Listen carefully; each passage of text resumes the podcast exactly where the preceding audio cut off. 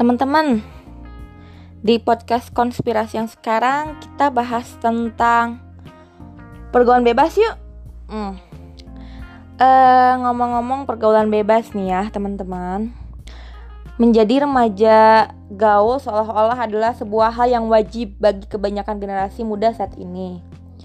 Apa pun yang mereka lakukan demi terlihat gaul gitu.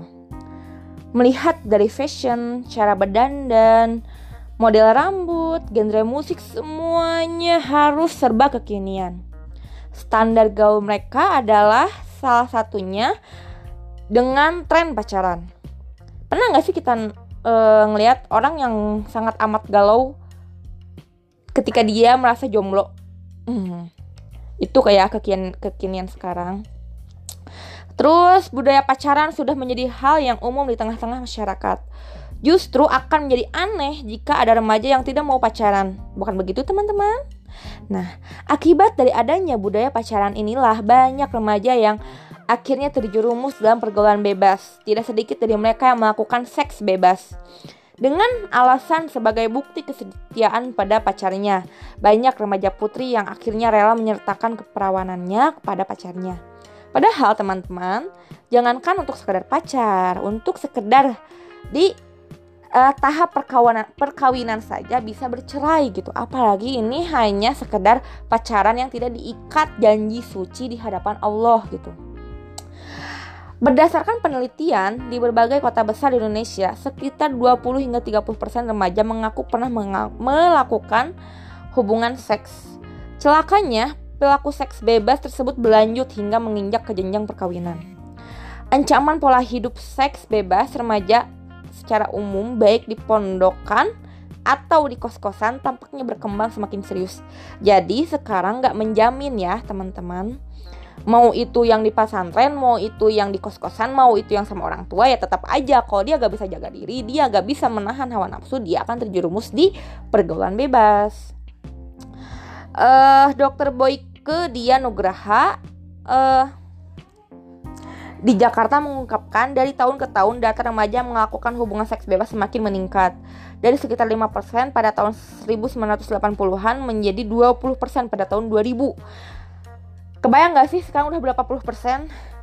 Kisaran angka tersebut kata do, kata Boyke dikumpulkan dari berbagai penelitian di beberapa kota besar Indonesia seperti Jakarta, Surabaya, Palu, dan Banjarmasin.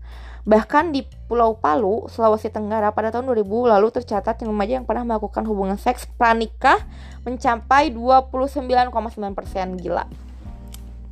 Banyak banget ya teman-teman.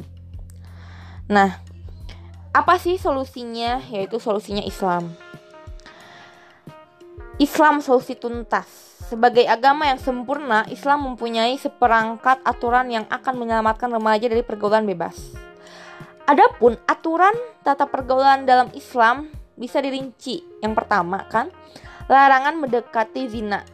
E, ada tertera pada Al-Isra ayat 22. Dan janganlah kamu mendekati zina. Sesungguhnya zina itu adalah perbuatan yang keji dan salah satu dan sesuatu jalan yang buruk. Nah, kemudian kewajiban menutup aurat. Nah, kadang ya teman-teman kita ketika menutup aurat itu dibilang kuno. Padahal pada zaman kuno, uh, kita sebut saja zaman purba, banyak manusia yang kita lihat dalam buku pelajaran itu tidak memakai baju, bahkan bajunya pun sedikit-sedikit gitu. Jadi dengan adanya Islam, justru ini dengan adanya kemajuan kemajuan dari cara uh, berpikir mempunyai akal gitu karena jika dibalikan justru yang memakai jika ini berbicara untuk saling mengejek masalah pakaian ya teman-teman itu yang membil yang bilang menutup aurat menutup badan itu adalah kuno justru yang membuka aurat yang bahkan yang dengan bangganya memakai baju transparan sejuntai tubuh itu yang menurut aku pribadi merasa zaman kembali ke seperti purbakala gitu. Jadi jangan dikira dengan adanya menutup aurat ini nggak gaul ya justru nggak justru kan kita bisa ya ngelihat banyak banget busana muslimah yang sekarang kekinian juga kalau misalnya pengen gaul tapi tetap menutup aurat gitu. Terus e, menundukkan pandangan ada dalam surat An-Nur ayat 30 e, artinya itu katakanlah kepada orang laki-laki yang beriman hendaklah mereka menundukkan pandangannya dan memelihara kemaluannya.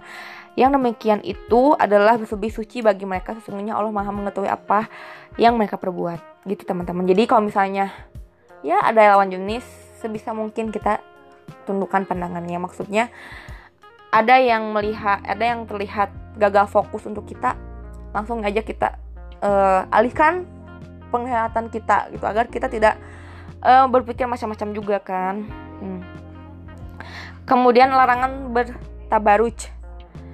Nah, apa sih tabaruj ini?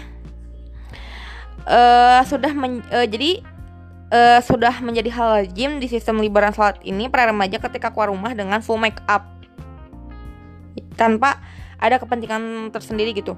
Padahal dalam Islam seorang wanita ketika rumah dilarang untuk berdandan karena hal inilah salah satu yang bisa menjadi sebab ketertarikannya lawan jenis gitu.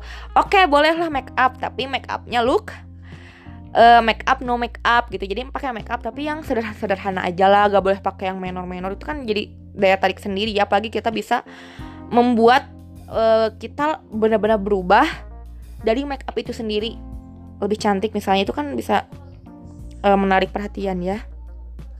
Terus ada juga uh, dalam Al-Qur'annya itu surat Al-Ahzab ayat 31.